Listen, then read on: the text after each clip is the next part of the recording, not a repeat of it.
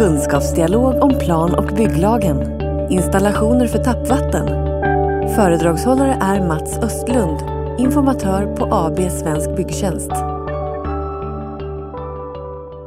Eh, kunskapsdialog 27. Installationer för tappvatten. Fokus legionella. Hej, jag heter Mats Östlund och jobbar på Svensk Byggtjänst som informatör och redaktör. I min roll som informatör träffar jag dagligen VVS-konsulter och en del fastighetsförvaltare där jag informerar och ibland utbildar i lagar, regler, ny teknik med mera. Jag får en hel del frågor från olika håll om teknik i allmänhet och eh, BBR i synnerhet. En aktuell fråga har återigen blivit den om våra legionella krav och hur de är utformade i BBR. Jag kommer här att sammanfatta en del av de frågor och synpunkter jag möter och har mött den senaste tiden. Hej Mats! Den här legionella debatten gick ju hög på början av 2000-talet och vi fick in en del funktionskrav i BBR med bäring på mikrobiell tillväxt. Läs då legionella bakterier. Efter några år så känns det som den här legionella problematiken diskuterar rätt så lite. Är bakterien utrotad eller har vi så bra koll på den så att den inte utgör någon fara längre? Ja, bakterien den är inte utrotad för den går inte att utrota. Den finns där naturligt i de sötvatten som vi tar in i våra byggnader där nästa steg då blir att eh, bakterien kan växa till sig på grund av temperaturförhållanden främst i byggnaden. När vi bygger nya tappvatteninstallationer är det många beaktanden att uppfylla i Boverkets byggregler BBR. Det ska, vara, det ska vara hygieniskt, säkert och komma i tillräcklig mängd och tappvarmvattnet ska hålla en sån temperaturnivå att man kan sköta personlig hygien, hushållssysslor med mera och då vara lägst 50 grader efter tappstället.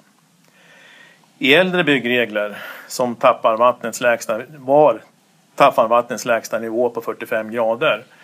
Eh, när nybyggnadsreglerna för länge sedan ersatte SBN 80 höjdes tappvarmvattentemperaturen till 50 grader, främst av hygieniska skäl. Denna temperaturnivå lever fortfarande kvar i BBR. Så just 50 grader är nivå då som också kan relateras till den kunskap vi idag har om vad processen med legionella bakterietillväxt då, eh, hur det fungerar. Och vi vet ju idag att eh, vid 60 grader kan det handla om minuter och vid 70 grader om sekunder. Så kan vi hålla 50 grader i ett, i ett tappvattensystem då enligt BBR då ska vi alltså kunna vidmakthålla eh, systemets eh, risk för att bakterien ska växa och därmed att det inte utgör ett problem.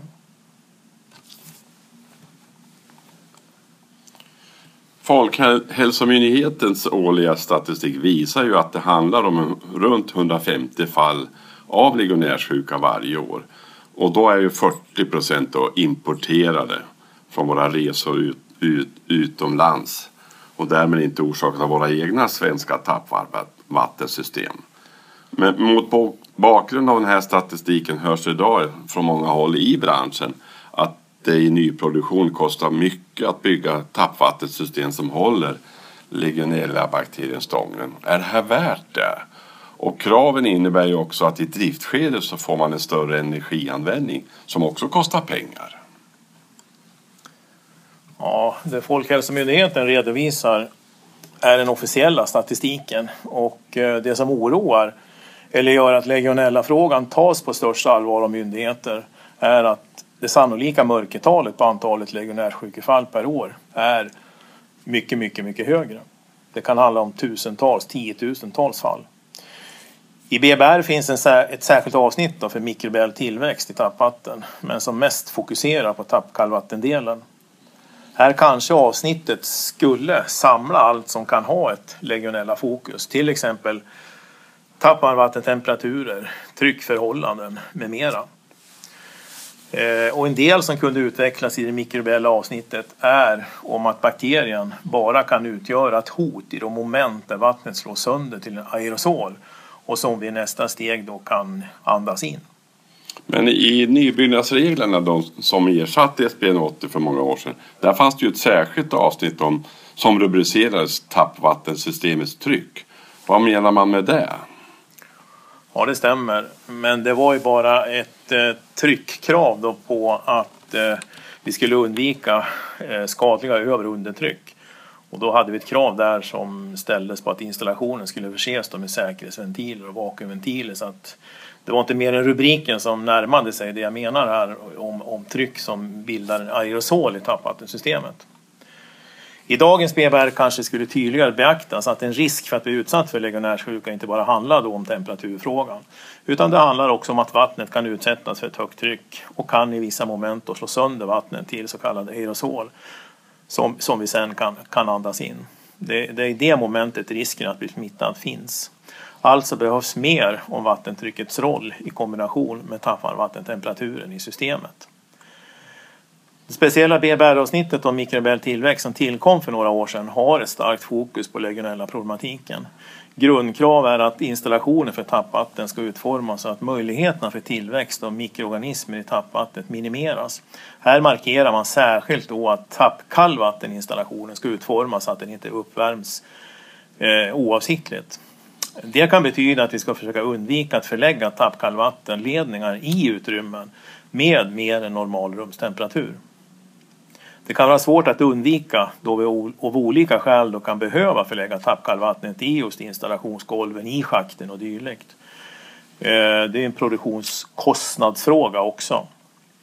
Eh, här finns risk då i utrymmen som kanske hyser ledningar för värme, tappvarmvatten och VVC.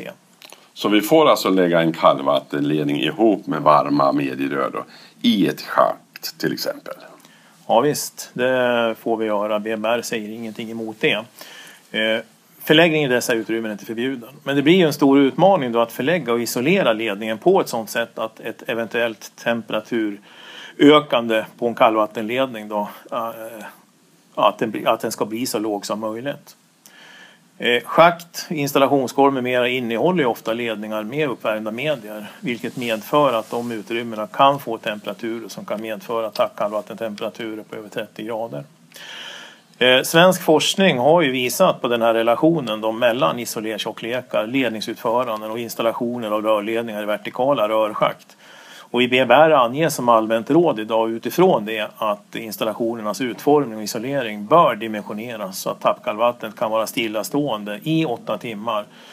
Eh, exempelvis då över natten då i ett flerbostadshus utan att temperaturen på tappkallvattnet överstiger 24 grader. Vi kallar det här för 824. Men om man då skulle få för sig att mäta kallvattenledningarnas temperatur och det visar på då till exempel 26 grader, uppfyller jag då inte kravet på oavsiktlig uppvärmning? Ja, den här tids och temperaturangivelsen 824 den är ju bestämd med utgångspunkt i det jag nämnde om forskningsresultaten. Det är ett allmänt råd som pekar ut en riktning då på utförandet. Så skulle mätningen visa 26 grader exempelvis så tror jag att det inte kan föranleda en anmärkning mot att jag inte uppfyller Boverkets byggregler. Så viktigt i den dimensioneringen då också det är att utgå från, från den förväntade temperaturen på tappkallvattnet vid förbindelsepunkten. Och det är en uppgift som man som projektör till exempel kan då inhämta från, från huvudmannen för vattenleveransen i den kommun där jag har mitt byggprojekt. Och här kan man också observera då som, som beräknare och dimensionerare konstruktör att eh, den här kallvattentemperaturen den kan ju variera över årstiderna. Så för att minimera möjligheterna för tillväxt av mikroorganismer bör man helst lägga kallvattenledningar i utrymmen som inte blir uppvärmda. Exempelvis att du lägger kallvatten och spillvatten då i ett och samma schakt och att du lägger resten, då de här varma mediarören, tappvarmvatten, VVC och värme då, i ett separat schakt och åtskilt från den här kalla delen. Eh, måste vi förlägga kallt och varmt i samma utrymme då är ju som sagt isoleringen oerhört viktig och då måste vi beakta att möjlighet till sådant utförande bygger på att rörschaktets storlek medger detta. Eh, ett sätt att styra mot separata schakt kanske skulle vara att BMR anger detta som ett skallkrav. Här finns alltså en fråga att ta upp i tidigt skede i byggprojekt och i samband med utformning av byggnaden rent byggnadstekniskt.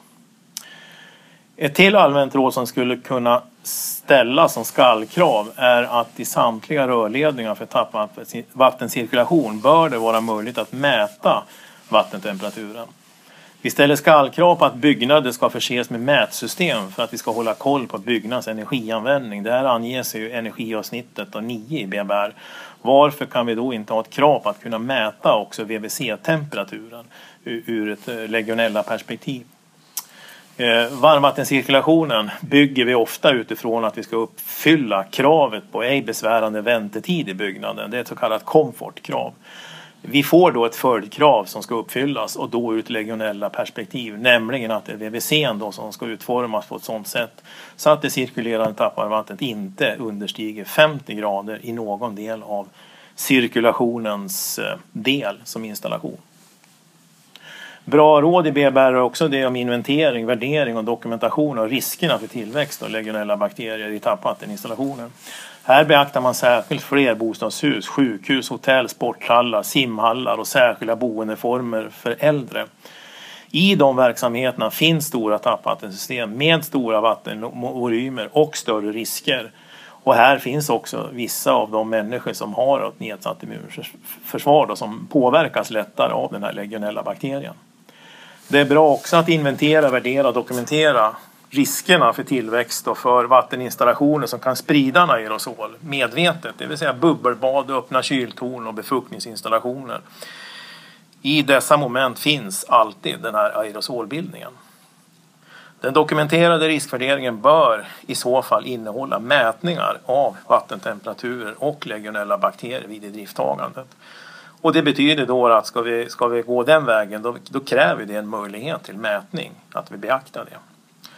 I BBR finns också allmänna råd om tappvatteninstallationen, att den bör spolas ren innan den tas i bruk och att eh, om det vattnet varit stillastående under byggskedet när vi har haft det varmt ute, till exempel 20 grader eller däröver anger man, då kan de här installationerna dessutom behöva desinficeras och då finns det i BBR då ett recept för spolning och desinficering då i SSEN 8064, vilken BBR då hänvisar till.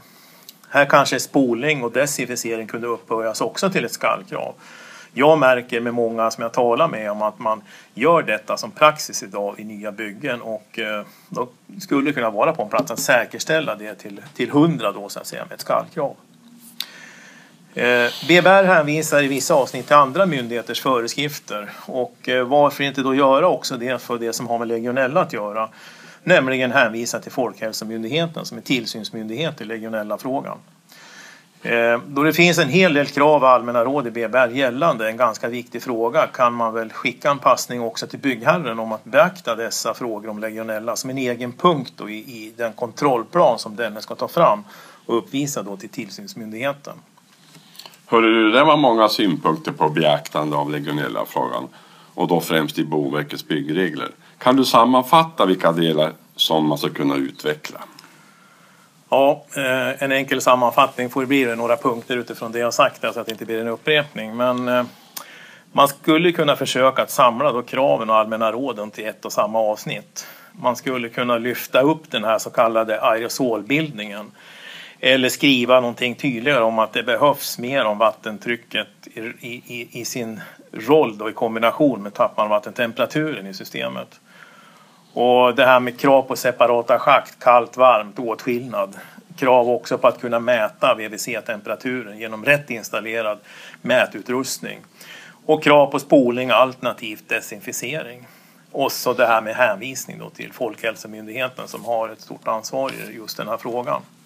Så avslutningsvis, BBR utgör inte bara föreskrift med skallkrav och allmänna råd. Den ska ju också vara pedagogisk i sin utformning så att utläsaren förstår kravställningarna och tar budskapen till sig. Verkligheten kan innehålla ruddning av vissa budskap, det är min erfarenhet efter alla dessa år. Och eh, vi träffar aktörer som trots funktionskrav som varit i drift i BBR i många år och kanske upp till tio år, man har ändå aldrig sett dessa. Så att eh, i legionellavdelen kan BBR kanske göras tydligare och mer pedagogisk. Så jag tackar för mig med detta. Hoppas att det leder till en bra diskussion. Tack Lars för frågorna. Tack.